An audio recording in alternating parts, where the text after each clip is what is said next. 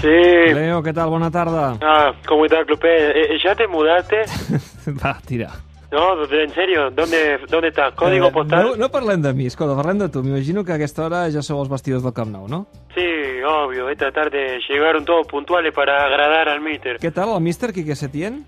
Pues se le ve buena persona y, y llegó motivado, ¿no? Con ganas de, de hacer cosas nuevas, de dar charlas, cambiar horario. Un dels canvis és que Setién us ha fet entrenar avui, en dia de partit. Sí, a las 11 de la mañana tuvimos que ir a entrenar y ahora dentro de poco tenemos partido. Ya dije, como dije recién, que está bastante motivado, ¿no? Y eso es positivo, pero si cada domingo es así, no llegamos a junio. I els profe. jugadors com estan? Igual de motivats eh, que Quique Setién per aquesta etapa? Sí, bueno, a, a lo mejor no tanto como Setién, pero están bien, ¿no? De hecho, hoy le van a preparar una pequeña novatada al míster. Por ah, llegar al novetada? último. Novetada, Quique? Claro, pero algo simpático, sin maldad. Què li faran, si es pot saber? Le escondieron una vaca en su despacho. Per favor. No lo sé, ya sé que es poco sutil, pero fue idea de Arturo Vidal. Y además cuando lo propuso ya tenía la vaca en el auto. No sé de dónde la sacó, pero mejor no I preguntar. després què en fareu de l'animal? ¿Te refieres a la vaca o a Arturo? A la vaca.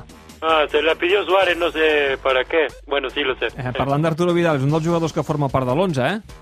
Eh, sí, sí, sí, no sé, no, hay cosas que no la entiendo, la verdad. Eh, a veure, escolta, um, en fi... eh, Jugaremos al toque. Sí, escolta'm, eh, esperem que, que no es desfaci aquest clima d'il·lusió, eh?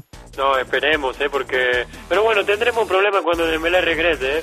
Bé, en fi, eh, Leo, que vagi molt bé el partit, disfruteu al camp. Gracias a vosotros. Una abraçada ben forta.